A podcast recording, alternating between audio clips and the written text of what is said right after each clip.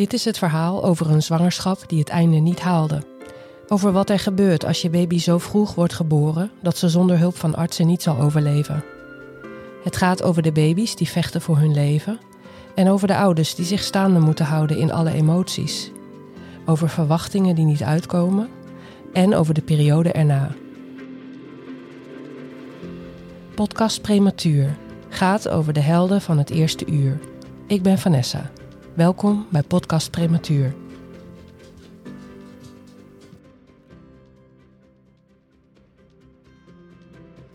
Piepjes en alarmen. Het zijn vervelende en onvoorspelbare prikkels voor kindjes in de couveuse.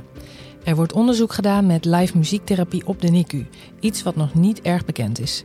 Muziekgeluiden zijn ook prikkels, maar wel voorspelbare prikkels, met coupletten en een refrein. De therapie zou positieve fysiologische effecten hebben op zowel kind als ouder. Ik praat er vandaag over met Anneke.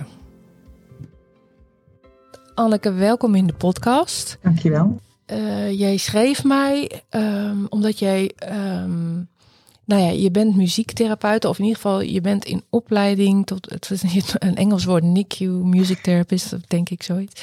Ja. En um, uh, en nou ja, je bent heel enthousiast en je wilde heel graag over je vak vertellen. Dus ik ben daar heel erg blij mee.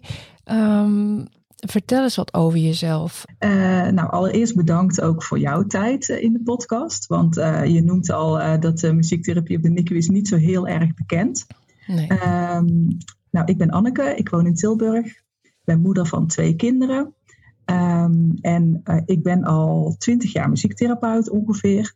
Want muziektherapie, dat uh, studeer je aan de opleiding creatieve therapie. Dus dat is een vierjarige HBO-opleiding. Uh, mm -hmm. en daarnaast kan je je in verschillende deelgebieden specialiseren. En ik kwam er toen ik ongeveer mm, een jaar of zes aan het werk was, achter dat er ook zoiets bestond als medische muziektherapie. Want muziektherapie wordt veel ingezet in de psychiatrie, in de gehandicaptenzorg, uh, in TBS, uh, maar niet zo heel veel nog in het medisch werkveld. Hmm. En ik was eigenlijk een beetje dat ik dacht, wauw, dat yeah. ook kan met mijn vak. Daar was ik nog helemaal niet van bewust. Nee. Dus dat was zo rond 2009 en toen ben ik me daar steeds meer in gaan oriënteren. En toen kwam ik er ja, een jaar of vier geleden ook achter dat er dus ook een specialisatie voor muziektherapie op de NICU was. Hmm. Uh, en dat sprak me heel erg aan. Um, Want heb je een connectie met vroeggeboorte? Ik heb geen connectie met vroeggeboorte. Uh, ik heb wel een uh, connectie met vroege ziekenhuiszorg, zou ik maar zeggen. Ik weet niet of dat de officiële term is, maar nee. mijn zoontje is. nee, mijn zoontje is vijf dagen na zijn geboorte in het ziekenhuis terechtgekomen. Okay. Omdat hij de ziekte van Hirschsprong uh, heeft. Alle mensen. En uh, ja, nou hebben wij een hele goede, een, een ja, een hele goede Hirschsprong gelukkig hoor. Dus hij heeft er nu uh, eigenlijk heel weinig last van. maar ja, toen ik, ehm, toen ik dus van die opleiding hoorde en hoe muziektherapie ingezet werd, dacht ik, oh ja, ik kan me dat wel voorstellen. omdat ik uh, als moeder, wat me het meest bijstaat uh, van die periode uh, van mijn zoontje, toen hij in het ziekenhuis lag, was dat ik het wachten en het niets kunnen doen zo heftig vond. Mm-hmm. bij ons was het veel minder stressvol, denk ik, dan een opname op de NICU. omdat we al vrij snel wisten wat er nodig was om te kunnen zorgen dat hij goed zou herstellen. Dus ik denk dat onze stress echt anders is dan wanneer je zo'n onvoorspelbare tijd hebt als uh, wanneer je kindje vroeg geboren is. Um, maar even goed was hij ook nog heel jong en was ik ook nog helemaal niet, kende ik hem ook nog helemaal niet, zal ik maar zeggen. Dus voelde ik me ook een beetje, ja, soort van machteloos of zo, of onwetend en afwachtend. En dat, dat staat me het meest bij van die periode. Mm. Ik kwam vier jaar uh, geleden uh, ongeveer, denk ik, uh, werd op de ARTES, dat is een van de muziektherapieopleidingen, werd de opleiding, de nascholing muziektherapie op de NICU aangeboden.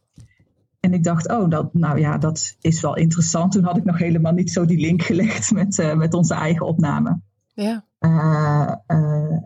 dus ik dacht, ik ga, omdat ik al wat in die medische muziektherapie aan duiken was, dacht ik van nou, dat lijkt me interessant.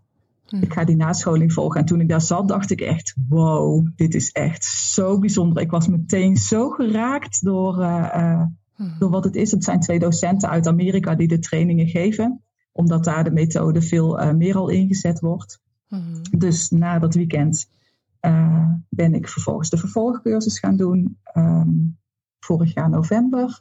En ik had al contact met het ziekenhuis in Antwerpen. En toen ben ik de derde, het derde deel van de training is eigenlijk een praktijktraining waarin je eerst gaat kijken op de NICU. Uh, dan een periode mee gaat lopen met een muziektherapeut op de NICU. Dus dat heb ik in Groningen gedaan, omdat het daar al wel mhm. ingezet uh, wordt. En uh, vervolgens ben ik vanaf september mijn laatste stage, praktijkleerplek zal ik maar zeggen, in Antwerpen gaan, gaan doen. Waarbij ik echt muziektherapie geef daar op de afdeling. Mm Want volgens mij hadden wij al contact voordat je er überhaupt mee was begonnen. Dat, dat weet ik niet. Maar je was wel op een NICU geweest. En toen dacht ik nog, goh, wat bijzonder is dat ik, ik had jou zo graag willen spreken voordat je überhaupt op zo'n NICU was geweest, weet je wel. En dan na, die, na dat hele traject. En dat je eigenlijk aan de slag gaat al uh, ja. op een NICU. Maar wat was, wat was, wat was jouw ervaring? Um, wat mij opviel, ik denk dat Um, goed om te weten is dat in uh, Antwerpen uh, werken ze met individuele kamers. Dus hè, kindjes zijn niet op een zaal opgenomen, maar op kamers. Uh, ik vond daar op een bepaalde manier ook heel erg rustig daardoor. Mm um, ik vond de zorg heel erg warm en liefdevol. Maar ook, ik zag ook wel dat, dat het druk was voor de verpleegkundigen. Dus dat, um, ja, dat het ook hard werken voor ze was. En toch dacht ik, oh, ja, ik werd daar wel door geraakt. Door, uh, door de manier waarop zij met de kindjes werkte. Um, ik moet even terug, want ik heb inderdaad spraken wij elkaar uh, toen had ik al een week meegelopen op, in Antwerpen. Want dat is ook een onderdeel. Dat je eerst gaat kijken op een NICU en ervaring op gaat doen. En dan mm. vervolgens pas een periode zelf aan het werk gaat. Mm. En in die tijd hebben we elkaar gesproken. Um, nou, wat mij opviel was. Het zat natuurlijk ook nog half in corona, die periode dat ik daar de eerste week was. Um, dat het voor sommige ouders ook wel moeilijk kan zijn om er uh, te zijn of te komen of zo. En ik dacht, ik zou het ergens ook fijn vinden als ik misschien met muziektherapie uh, de drempel iets kan verlagen, ook om er te zijn. Mm -hmm. uh, dus dat was mijn eerste gedachte eigenlijk. Oké. Okay. Ja. Mm -hmm. En toen ging je naar Groningen? Ja. En dat is dus, je noemt het al, dat is dus een verschil met de, met de zaal, NICU. Ja, daar, is in, uh, daar was toen nog een zaalnicu. Zij zijn eigenlijk vlak nadat ik daar was ook overgegaan naar een nieuwe afdeling. Um, ik ben daar natuurlijk maar korte momenten geweest. Uh, um, omdat ik steeds met de muziektherapeut op de afdeling kwam. Wanneer zij met een, uh, een kindje of, en of ouders ging werken. En dan daarna verliet ik de afdeling ook weer. Mm um, nou, wat me daar opviel was dat ouders toch minder ruimte hebben ook. Uh, gewoon fysiek ook. En uh, dat het allemaal, uh, ja, toch dat je een stukje van je kwetsbaarheid en intimiteit ook moet, moet delen met elkaar daar. Mm-hmm. Um, wat wel opvallend is, en dat is ook, daar hebben ze in Groningen ook onderzoek naar gedaan, dat als de muziektherapie daar ingezet wordt, eigenlijk richt het zich op één kind. maar het hele geluidsniveau van de hele afdeling zakt. Dus dat is al wel uh, bijzonder. Hè? Je zou bijna denken dat muziek een overprikkel uh, of een prikkel geeft en soms ook overprikkelend werkt, maar eigenlijk is juist het tegengestelde uh, gebeurt daar. Omdat de interventie die we als muziektherapeuten doen is wel heel erg gericht. En um, ja, daar kan ik je zo ook al meer over vertellen. Maar is ook heel zacht, waardoor ook in de omgeving een soort van focus op die muziek komt en het gespreksniveau ook daalt. Ja, wat grappig is dat, want die andere ouders zitten er natuurlijk omheen, op die manier bedoel je? Ja, ja en ook verpleegkundigen zitten natuurlijk ook op de afdeling. Uh, en ik was er niet bij toen dat onderzoek gedaan werd, hoor. dus ik weet niet precies uh, wat, wat de uh, voorwaarden en zo daarvan waren, of de omstandigheden. Hmm. maar ik weet dat we dat heb ik teruggekoppeld gekregen. Hmm. Nou, ik denk dat we daar zo ook wel op komen, maar ik denk misschien ook qua alarmen en zo, dat alles Met de hartslagen zakken. En, ja. Maar goed, vertel eens even. Want volgens mij is het belangrijk om dat je vertelt over ja, wat is muziektherapie. En ik denk vooral, wat kan het betekenen op een NICU?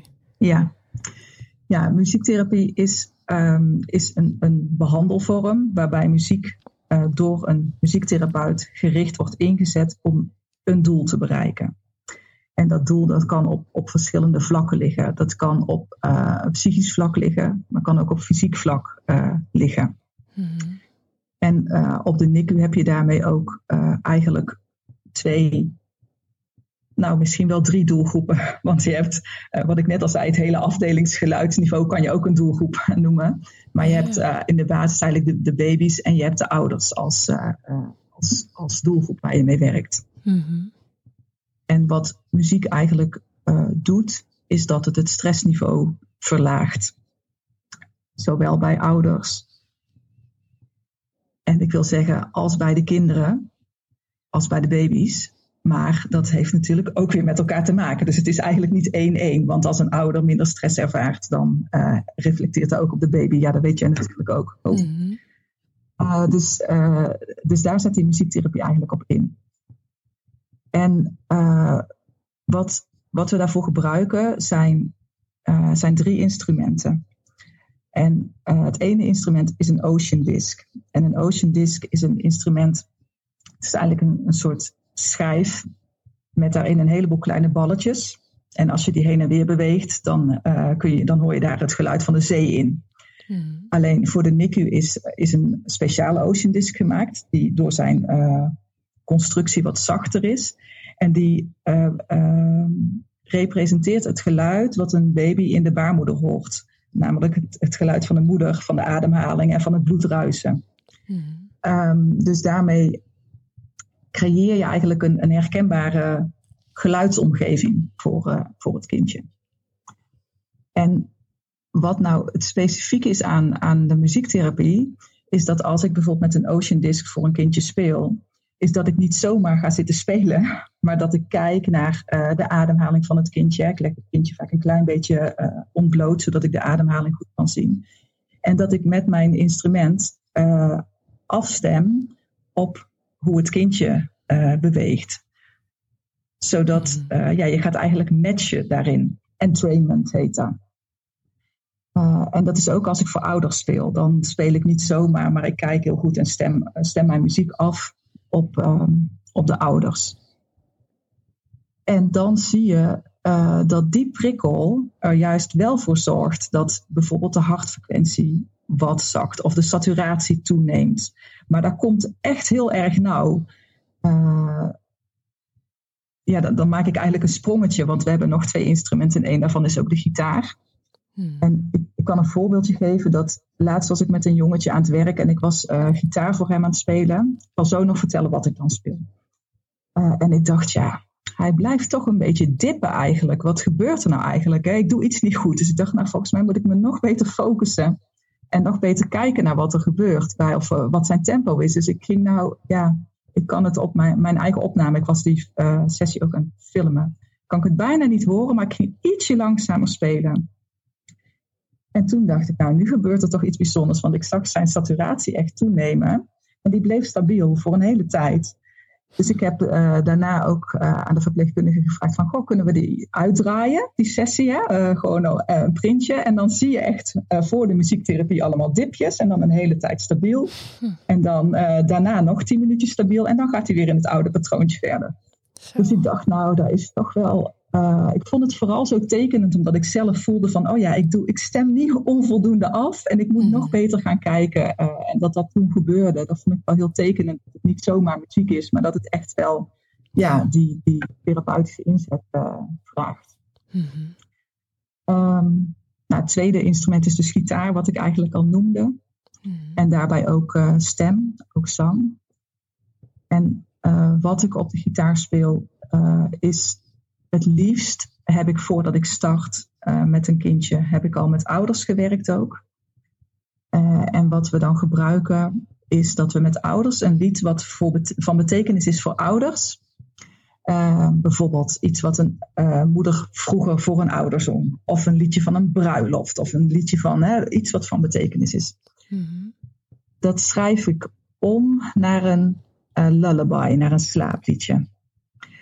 Door de heftige geluidsverschillen eruit te halen. Door het tempo te vertragen. Door de maatsoort te vertragen. sorry, door de maatsoort te veranderen. waardoor het een wiegeliedje wordt. En dat is het, het muzikale materiaal als ik met, uh, voor een kindje speel op de NICU. Dus dat is het liedje wat ouders eigenlijk aan hun kindje willen geven. Mm-hmm. En uh, ik ga ook met ouders zelf dat liedje voor hun kindje zingen. Hè? En kijken van nou, goh, hoe reageert hij? En uh, ja, hoe kan je dat doen? Zodat ouders ook betrokken worden in dat, in dat proces. Um, en dat, dat is echt een hele mooie interventie, vind ik. Omdat je in het maken van dat liedje al bij ouders zoiets ziet van, oh ja, ze kunnen iets doen. En het is mhm. van hen. En ja, je ziet mensen gewoon een soort van vaak toch wat onzeker binnenkomen en een stukje rechterop. Van nou, zullen we het dan eens gaan uh, laten horen aan je kindje? Dan zie je ze echt dan een stukje rechterop mee teruggaan naar, uh, naar de kamer waar het kindje ligt. Dus um, dat is heel bijzonder om te zien. Ik schiet nu al vol, want oh. toen, toen ik op de NICU zat, toen zong ik ook iets vol emotie, maar heel zachtjes. En het liefst dat hij het alleen hoorde, dus het liefst door het gat heen. Mm en ik vond het zo, ehm, ik vond het zo persoonlijk en ik vond het ook zo'n enorme privacy schending dat, dat, je niet, dat we ons niet konden ontrukken mm. aan de verpleegkundigen en de andere ouders. Dus als je dat dan doet, ja, dat is ook heel persoonlijk. Eigenlijk met een therapeut erbij. Dus het lijkt me echt een emotie. Het lijkt me één groot emotionele taak die, bij jou ligt eigenlijk. Ja, daarom is het ook. Uh, daarom is het ten eerste gewoon een opleiding tot therapeut die ik doe, hè, of die ik gedaan heb, die wij doen. En daarnaast nog die specialisatie, want het, het, ja, het vraagt gewoon echt wel wat. En ik ben er ook echt echt, ja, ik sta gewoon keihard voor mijn vak en voor wat je daarvoor gedaan moet hebben om daar te komen. Omdat het echt geen, uh, het is geen onzin wat we doen, weet je. En als je het verkeerd doet, dan, dan maak je dus dingen los. Uh, die moet je gewoon als therapeut ook kunnen opvangen. En daar moet je iets mhm. mee kunnen doen. Anders wordt het voor de ouders, ja, wordt het bijna traumatisch uh, om, om dit aan te gaan. En daar, ja, daar, daar, daar, ja, dat is gewoon niet het werk, zou ik maar zeggen, wat we, wat we doen. Ja. Nee, dat is niet je doel. Nee, nee. Dus nee. Dus dat is ook het idee eraan, zeg maar, dat als je iets, uh, dat, dat die emotie helpt om wat die liefde over te brengen of zo? Of, um, of is het gewoon echt een pure fysiologische reactie? Nou, het is denk ik uh, door een lied te kiezen wat voor ouders van betekenis is, geef je ze echt de mogelijkheid om echt iets heel eigens te doen. En uh, ouders zijn natuurlijk best wel overgeleverd aan, aan wat, er op de, wat er gebeurt. Hè? Uh, en uh, overigens worden ouders natuurlijk steeds meer betrokken in de zorg voor een kindje. Hè? Dus ik heb niet het gevoel dat ouders niks mogen of niks kunnen, kunnen doen. Maar toch, je komt wel in een soort rollercoaster terecht. En ja, zie nog maar eens niet medisch te kijken ook naar je kind. Het is best een uitdaging, hè? want er is zoveel aan de hand. en dit geeft een andere focus waarmee je, uh, uh, ja, waarmee je dus niet naar het medische stuk hoeft, uh, hoeft te kijken. Mm-hmm, ja. En dat heeft ook als effect dat ja, ouders zijn ook heel vaak inderdaad geëmotioneerd bij mij in de sessie. Mm-hmm. waardoor de verhalen die zij hebben ook weer ruimte kunnen krijgen. En het voor ouders ook een stukje geeft ja, om het trauma ja, ik zal niet zeggen verwerken, want ik denk als je nog in die rollercoaster zit, is verwerken denk ik niet het goede woord. Maar uh, het, het uiten en tegelijkertijd bezig zijn met die muziek, die ook op ouders een kalmerend effect heeft. Uh, ja, uh, herstelt wel iets in dat zenuwsysteem wat continu, aan, continu aanstaat, natuurlijk. Hmm. Ja. En um, dat zie je ook wel bij ouders. Dat ik, ik heb een heel mooi filmpje gemaakt, ook op de verloskundeafdeling waar ik vergeten was de microfoon aan te zetten van de camera. Dus waar geen geluid op staat. Maar waar je wel ziet dat moeder en ik zo synchroon aan het meewiegen zijn. En, ja, en wat doe je als je een baby troost? Dan ga je met hem wiegen. Dus, uh, dus dat doet die muziek dan. Mm. ja. ja. En het derde instrument? Ja, ik zou hem zelf ook bijna vergeten. Ja. Um, dat, is, dat heet uh, een gato-box. Dat is een houten, ja, rechthoekige uh, ja, box, zou ik maar zeggen. Daar zitten twee tonen op. En die twee tonen, als je die speelt, dan is het, klinkt het een soort van als een hartslag. Dus dat is ook weer een mhm. geluid wat het kindje eigenlijk ook in de baarmoeder uh, hoorde. En waar mhm. sommige kindjes heel goed op reageren. Uh, uh, sommige kindjes reageren heel goed op die Ocean Disc en stabiliseren daarbij. en sommige kindjes reageren beter op de Gato Box. Mhm. En de Gato Box wordt ook ingezet. Ik moet eerlijk zeggen dat ik daar nog niet zo heel veel mee gewerkt heb.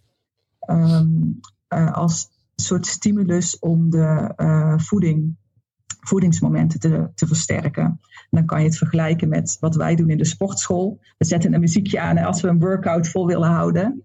Nou ja, eten is natuurlijk voor de kindjes, als ze dat aan het leren zijn, ook een soort van workout. En door daarin ook weer het tempo van de kinderen uh, te volgen en mee te spelen en een pauze aan te brengen, zodat we kunnen ademen, slikken. En dan weer in hen tempo uh, een puls mee te geven. als ze aan het drinken zijn, kan je ook dat, dat stukje versterken. Hm.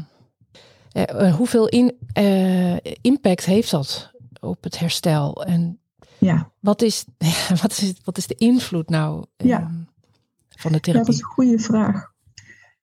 Um, ik heb natuurlijk nu uh, vier maanden in Antwerpen gewerkt. Dus in die zin vind ik het je uit mijn praktijkervaring vind ik het best lastig om dat te beantwoorden. Maar um, er is wel toevallig, ja, toevallig weet ik eigenlijk niet. Maar er is net Hanneke van Dokkum, die is aan het promoveren op stress op de NICU en op neurobiologische ontwikkeling. En zij heeft een promotieonderzoek daarna gedaan. En zij zegt dat ten eerste muziektherapie-interventies veilig zijn. En dat ze daarnaast ook uh, de neurologische ontwikkeling stimuleren, stress reduceren en de ouder-kind interactie versterken. Mm-hmm. Ik, mijn vermoeden, ik heb haar onderzoek nog niet gelezen, want ik heb gisteren heb ik het, oh. heb ik het proefschrift ontvangen, dus ik kon het nog niet lezen. Um, mijn vermoeden is dat dat, dat ouder-kindstuk ook te maken heeft met als ouders minder stress hebben, dan kunnen ze beter afstemmen, kunnen ze beter zien wat er bij hun kindje gebeurt. Maar zij heeft dus echt uh, ja, wetenschappelijk onderzocht hoe die muziektherapie, wat voor effect die heeft. En daar is, is daar nu op aan het promoveren. Dus ja, ik denk daarmee dat er uh, grotere effecten zijn dan die tien minuten die ik heb gezien. Mm. Maar ja, dat kan ik uit mijn eigen ervaring zo niet, niet delen. Om, ook omdat ik denk, um, ik ben er maar voor een tijdspanne van vier maanden. Hmm. Ik heb hele mooie dingen gezien, maar ben het ook nog aan het leren. Of aan het leren geweest. Dus uh, ik heb hele mooie ervaringen, maar ik kan ze nog niet in een groter geheel plaatsen. En daarom is het zo fijn dat er ook wetenschappelijk onderzoek naar gedaan wordt, uh, denk ik, voor dat grote geheel juist. Hmm. Ja, want een dag op de NICU is lang. Dus ja, ik weet natuurlijk niet hoeveel uh, geld er is en hoeveel capaciteit. Mm -hmm. Maar ja, je zou denken dat ja, minstens één keer per dag eh, een kindje daar baat bij zou hebben, als ik dat zo hoor. Ja, in het UMCG wordt ook gedaan. Zo. In Groningen. Ja, daar zijn ze met uh, eh, 16 eh, uur begonnen een paar jaar geleden. En uh, zij zijn zo enthousiast over, over wat het doet voor de ouders en de kindjes, dat ze sinds juli nog voor 16 uur een muziektherapeut hebben aange, ja, hoe zeg je dat, aangesteld. Hm. En de kinderen die daar opgenomen zijn, in ieder geval de extreem vroeggeborenen, hmm. uh, krijg je daar iedere dag muziek, of in ieder geval vier dagen in de week muziektherapie. Hmm. Netjes. Ja. Zijn er ook ouders die het weigeren? Um, of is iedereen nou, enthousiast eigenlijk? Ik, ik vind het. Um, het lastige mag is je dat, eigenlijk weigeren? Ja, je mag sowieso weigeren. Je mag sowieso weigeren. Um, bij mij was het zo, ik had deze periode ook supervisie uh, van de trainer in Amerika. Dus al mijn sessies moest ik filmen. Dus voordat ik ging starten met muziektherapie, moest ik ouders toestemming vragen om te filmen. Hmm. En daar zijn ouders die dat weigeren. En dat is hun goed recht. Hè? Dus dat, is, uh, ja, dat is, ja er zijn ook ouders die daar heel erg enthousiast van zijn. En zeggen natuurlijk. En je mag het ook gebruiken om te delen. En uh, hè, we willen heel graag een bijdrage leveren. Maar ja, er zijn ook ouders die daar weigeren. En dat, dat vind ik hmm. prima. Hmm. Maar ik kan dus niet zo goed zeggen of ze dan uh, de muziektherapie wilden weigeren. Of het filmen wilden weigeren. Dat onderscheid kan ik niet zo goed, goed maken.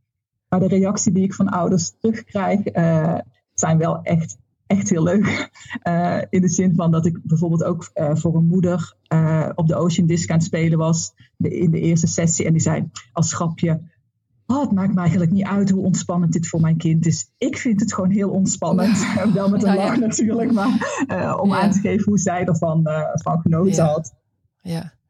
dus ouders met wie ik werk zijn over het algemeen heel positief. ja. Op de verloskundeafdeling is het nog, want we maken een koppeling in Antwerpen om ook op de verloskundeafdeling te werken als we een vroeggeboorte verwachten.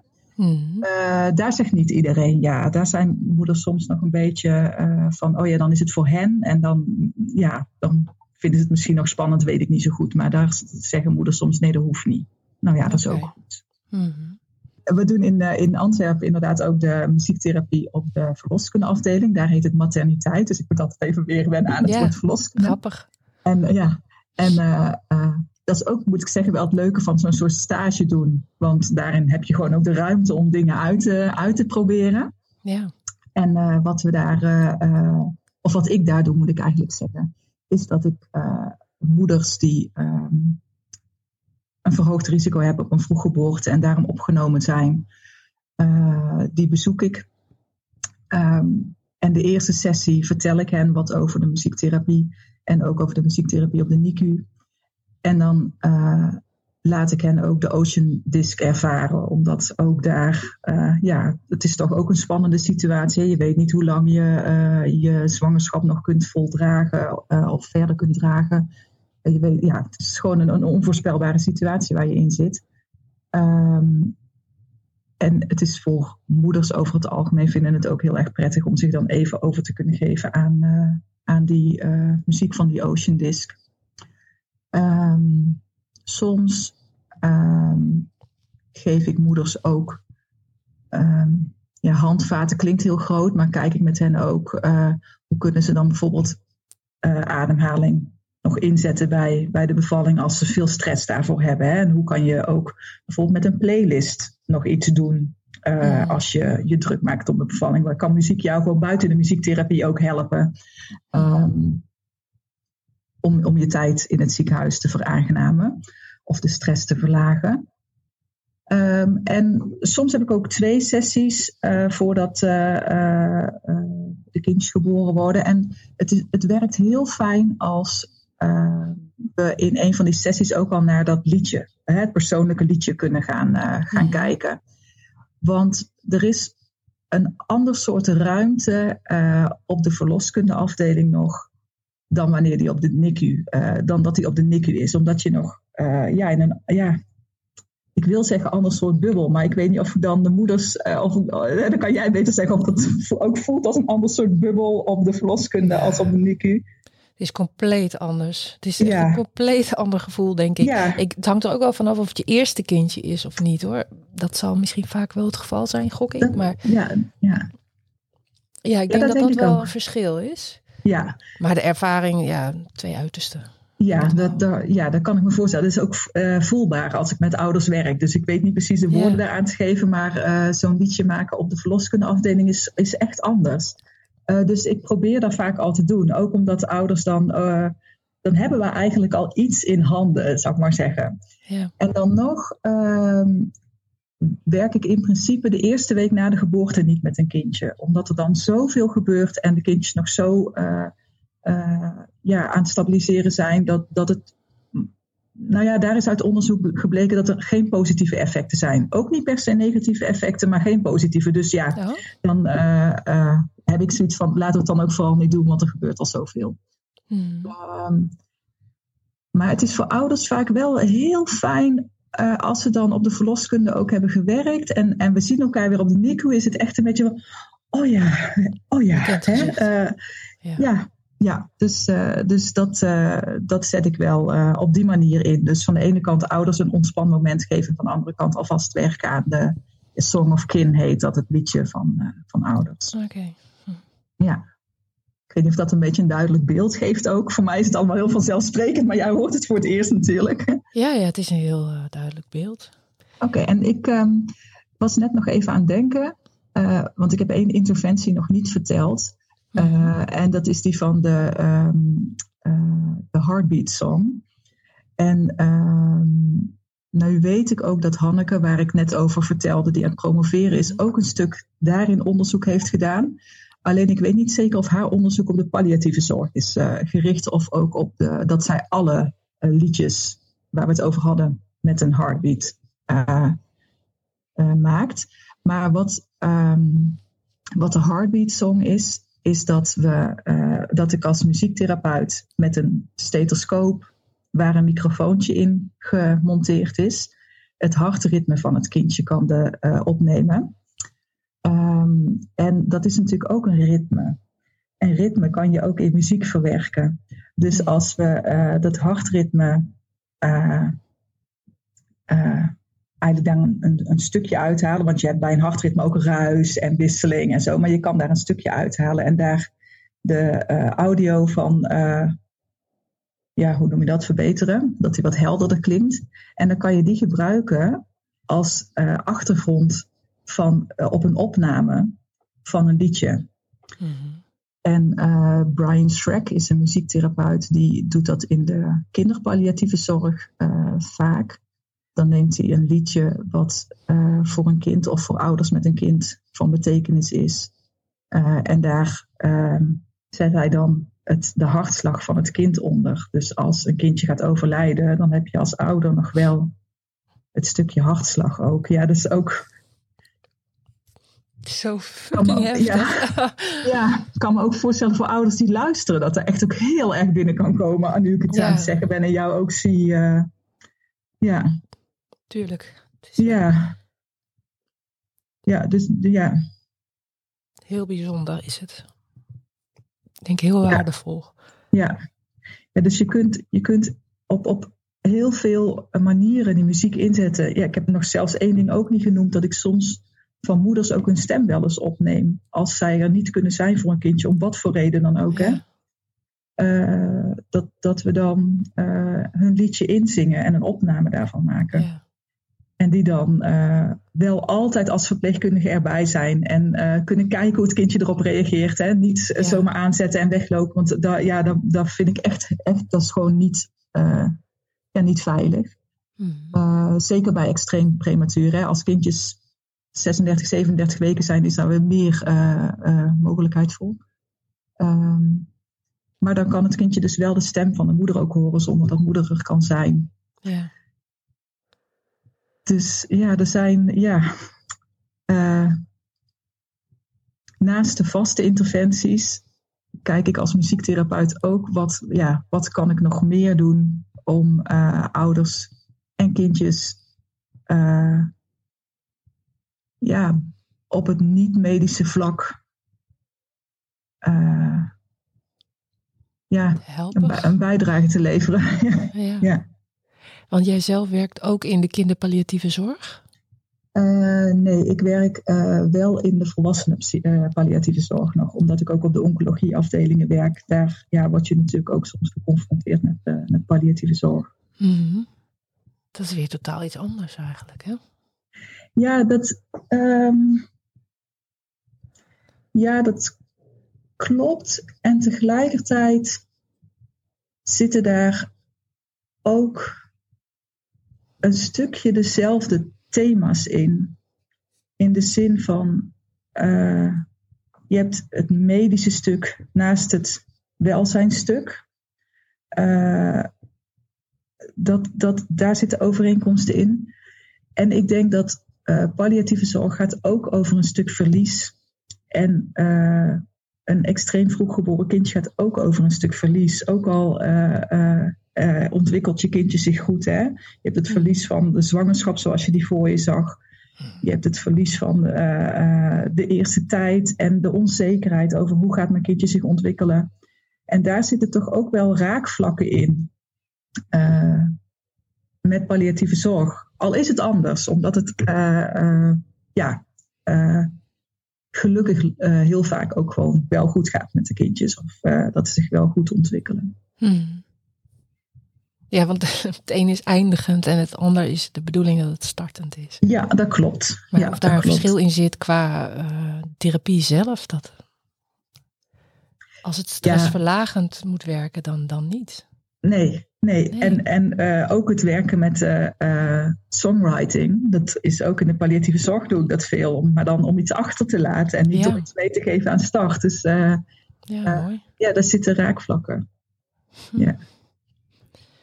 Hey, en je noemde net al iets over onderzoek, hè, over uh, toepassen van de muziektherapie in de week na de geboorte van een kindje. Ja. kan je wat meer vertellen over de onderzoeksresultaten? Um, ja, al ben ik geen onderzoeker, dus ik ben ook, ik vind dat best ingewikkelde materie. Ik ben iemand die vooral vanuit de praktijk uh, werkt, maar uh, wat sowieso al lang uit onderzoek is gebleken. Dus uh, niet alleen uh, uit het laatste onderzoek van mm. wat in het UMCG is gedaan, is dat de slaapkwaliteit van de kindjes verbetert door muziektherapie. Dus niet alleen maar als er, als er muziektherapie gegeven wordt. Uh, maar dat uh, ze over het algemeen uh, de slaapkwaliteit verbetert. Dat kinderen eigenlijk um, leren ze zichzelf ook wat reguleren door die muziek. in de zin van, dat ieder kind leert zichzelf reguleren in zijn leven. Hè? En een kindje op de NICU, die door de muziektherapie leert hij ook ervaren dat als er, als er stress is, dat die stress verminderd kan, uh, kan worden. Dus, uh, dus in die zin, uh, niet op bewust niveau natuurlijk, hè, maar lijfelijk, ja. lijfelijk mm. ook. dus we, we, zien resultaten daarin in de stressregulatie. of de stressreductie, moet ik zeggen. Mm. je ziet ook resultaten in de voedingsopname bij deze moet je me echt niet vragen waarom en hoe precies. Want ik, ik weet, ik heb het gelezen dat het, dat het zo is, maar ik, uh, ik weet niet precies. Uh, ik weet dat het met de Gata-box ingezet wordt, maar ik heb daar dus niet zoveel ervaring nog mee. Ah ja. Er zijn ook mensen die zeggen, uh, moet ik even terugdenken, want dat heb ik in een filmpje op YouTube gezien vanuit een arts van een ziekenhuis daar, die zei van ja, wij hebben de indruk dat kinderen ook wat korter opgenomen liggen.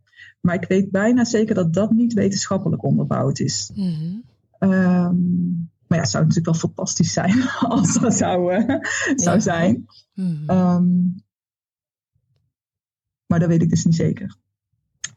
En uh, nou ja, de onderzoeken geven ook wel aan dat dus de ouder-kind interactie versterkt wordt. Uh, omdat ouders een handvat hebben om iets voor, voor een kindje in te kunnen zetten en daar ook in begeleid worden. En uh, wat ik bijvoorbeeld ook doe als ik met een ouder en een kindje werk, is gewoon heel klein dingetjes noemen. Oh, kijk haar handje, ze reageert. Maar het is geen spanningshandje, hè? dus ze, ze is niet, raakt niet overprikkeld. Dus uh, uh, dat soort dingen bespreek je ook in de, in de therapie. Maar ik denk dat, ja, dat stabilisering bij de kinderen het grootste is wat er komt. En tussen ouder en kind uh, stressreductie bij de ouders en daarmee ook bij de kinderen, dat dat de grootste uitkomsten zijn. Ja. Ik heb nu nog niet genoemd dat, dat uh, uh, de muziektherapie, dat ik dat ook vaak doe met ouders als ze aan het kangeroe zijn. Want anders denken mensen misschien dat het of-of is, maar vaak is het en-en, omdat het dan ook weer een positieve, ja, is bijna een stapeling eigenlijk dan van, van dingen waar ze goed op reageren. Ja. Ja. En ook wat, wat misschien ook wel belangrijk is, want we hebben het natuurlijk over overprikkeling. Mhm. Soms reageren kindjes er niet goed op. Hè? En een van de belangrijkste interventies die we hebben, is als het niet werkt, stop je. Dus we werken sowieso vaak bij de, uh, of altijd bij de extreem vroeggeborenen maar 10 minuutjes. Dus echt mm. kort. En als het niet werkt, en, en uh, um, natuurlijk kan ik iets bijsturen, hè, wat ik net al vertelde. Mm. Uh, maar als het dan niet werkt, dan stop ik. Want ik ga niet door omdat ik denk dat het werkt. nee, we zijn juist opgeleid om te zien zowel op de monitor als ook bij de kindjes, dit is overprikkeling. Dus dan moet je stoppen. Hmm.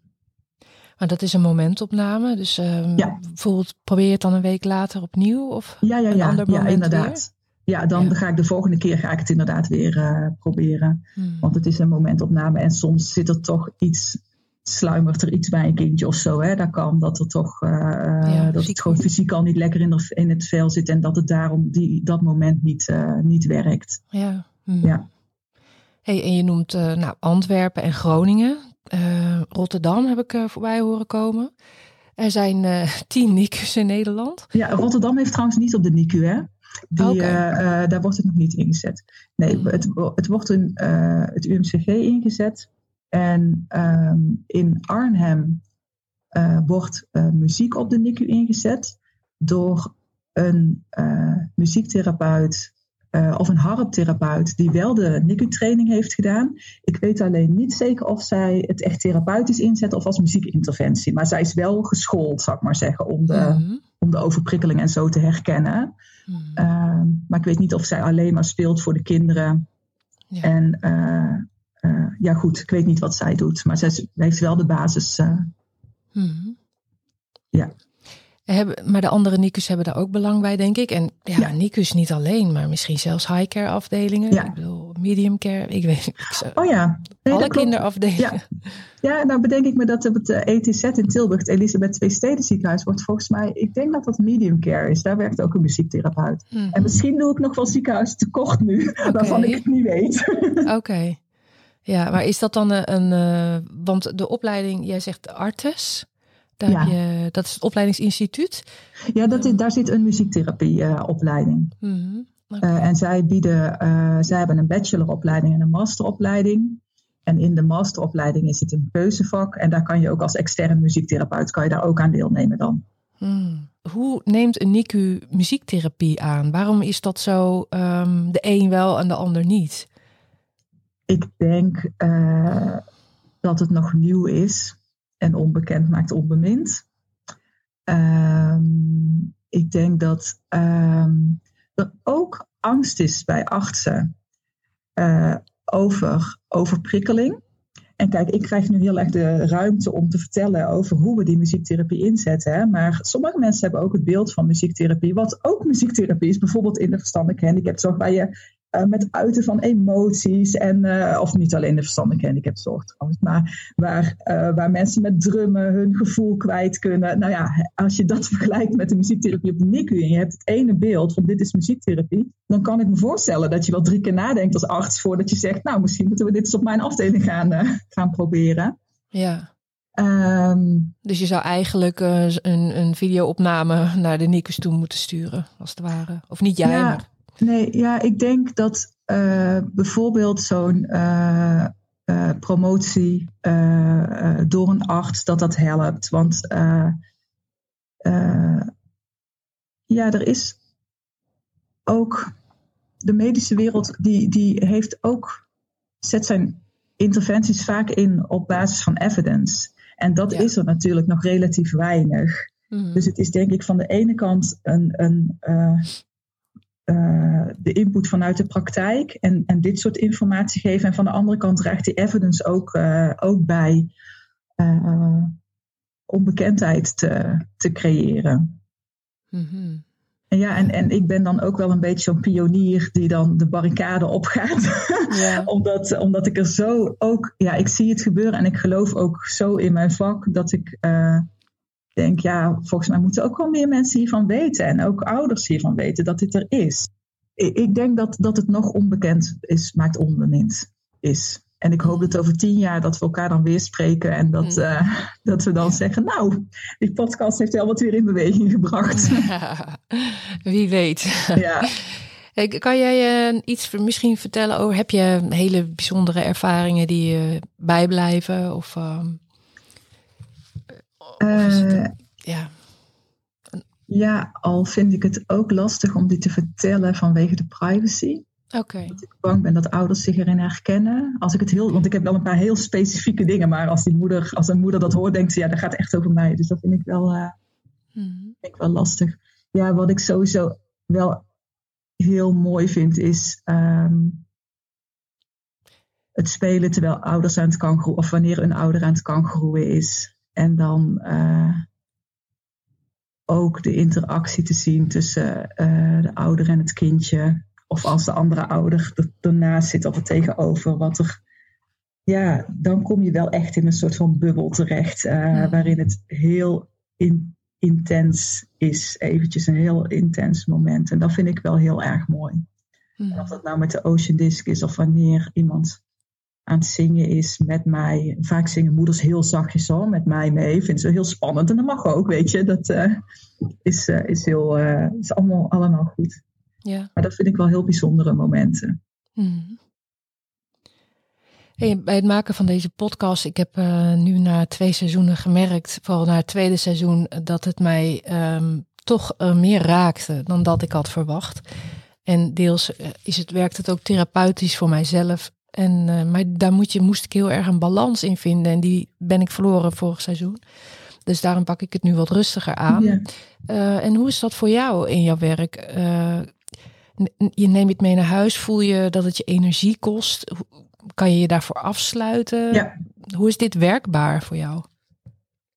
Um, ik heb één moment op de NICU gehad dat ik dacht: oh, dit raakt me heel erg.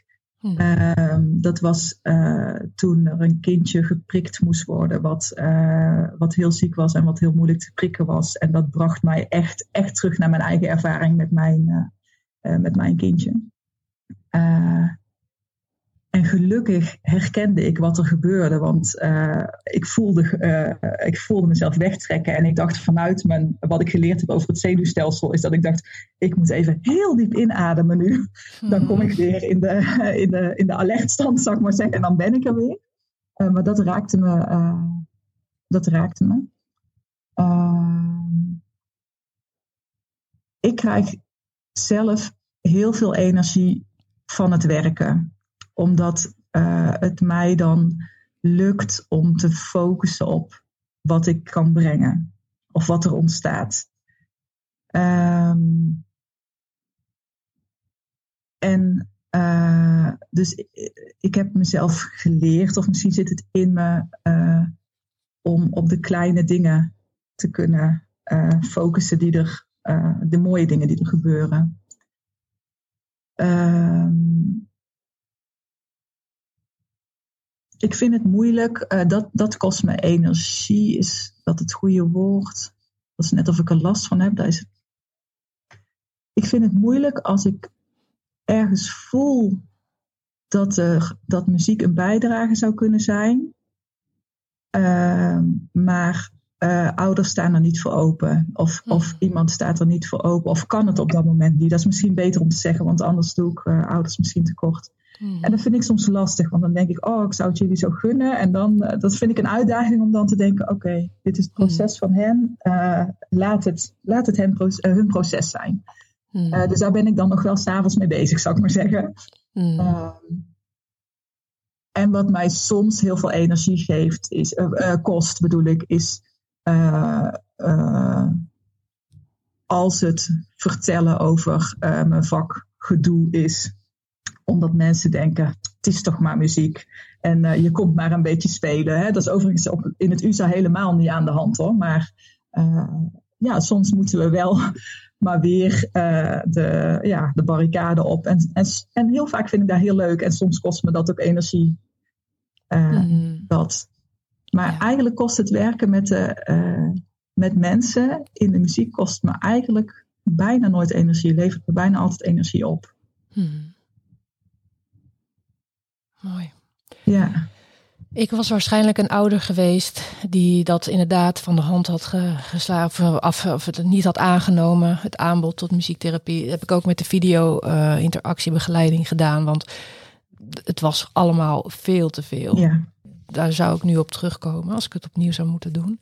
En uh, dat zou ook gelden voor de muziektherapie, want ik denk dat we daar heel veel baat bij hadden gehad. Dus ik vind het heel jammer dat ik dat niet heb mogen ervaren. Ja. Dus in die zin zou dat mijn, uh, zou ik dat in deze aflevering mee willen geven van, wordt het je aangeboden, grijp het dan aan. Um, zijn er dingen, is er een boodschap die jij uh, wil meegeven? Misschien niet zozeer aan ouders van prematuren, maar aan iemand in het vakgebied? Um Over ouders had ik over nagedacht, omdat ik weet dat jij die vraag oh. had gesteld. Nou, dan doen we die. ouders ook doen dan? ja, dan doe je, doe je de twee. Ja. Bij ouders uh, dacht ik, uh, wees vooral niet bang om je stem te gebruiken. Soms zijn ouders zo bang om een kind... Uh, letterlijk bedoel je? letterlijk, ja. ja. En dan kan ook, als je bijvoorbeeld je hand op je borst legt, kun je het ook voelen. Als je praat, dan voel je dat ook letterlijk. Dus als mhm. jij bij het kangoeroe al een heel klein beetje heel zacht neuriet of zo, dan voelt je kindje dat al. Mhm. En jouw stem is het allerherkenbaarst van alles op de wereld voor je kindje. Mhm. Dus als je zachtjes voor je kindje praat of zachtjes voor je kindje zingt, dat is het aller, ja, allerherkenbaarst uh, wat er is. Dus uh, wees vooral niet bang. Ga jezelf ook niet forceren, want er moet geen stress op zitten natuurlijk. Hè. Dat, dan is het voor niemand fijn. Uh, ik bedoel niet, er moet geen stress op zitten, bedoel ik niet van dan doe je het fout, maar dan voelt het voor jezelf ook niet fijn. Maar ja, ik zou vooral zeggen, wees daar niet te bang om mm dat te doen. Ja. En voor, nou ja, pro, voor professionals in het werkveld ik hoop vooral dat ze zich ook hebben laten raken door, door, deze, door dit verhaal. En uh, ja, er is meer onderzoek nodig. Uh, en tegelijkertijd, zolang dat er niet is, wil het niet zeggen dat het niet werkt. En als je het bij wijze van spreken met een pilot op je afdeling neerzet, dan, dan ervaar je dat ook, dat, wat er gebeurt. En ja, en ik denk ook, want vaak is, is eh, geld toch ook een, een, eh, een reden om het wel of niet te doen. Ik denk dat we daar in Nederland ook al wat creatiever over na kunnen denken. En misschien met sponsoring of, ehm, nou goed, dat is niet mijn vakgebied, maar mhm. mogelijk kunnen we met elkaar daar nog wel bruggen inslaan. Mm Dankjewel. Heel graag gedaan. En jij ook bedankt. Anneke schoot met dit gesprek een paar pijltjes in mijn hart. Muziek verzacht gewoon en raakt mensen. Het verbaast me niks dat het positieve effecten heeft op de kindjes in die couveuse. En op de ouders naast die couveuse. Annekes verhaal speelt zich als een film af in mijn hoofd. Ik hoor de piepjes en de alarmen weer. Ik zie alle gezichten van de artsen en de verpleegkundigen weer helemaal voor me.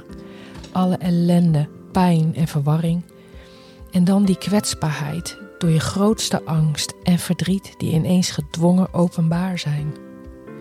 Het opnemen van de hartslag van een kindje en dat verwerken in een liedje, dat is goud waard. Wat ben ik bang geweest dat Vince zou sterven. En wat was de muziek van de muziektherapeut welkom geweest naast onze couveuse op plekje nummer 10. Het leven draaft door als een trein. Maar gelukkig zijn er van die mooie stationnetjes met een verhaal van iemand die zulk mooi werk doet. Podcast Prematuur. Over de helden van het eerste uur. Het gaat om mijn mama.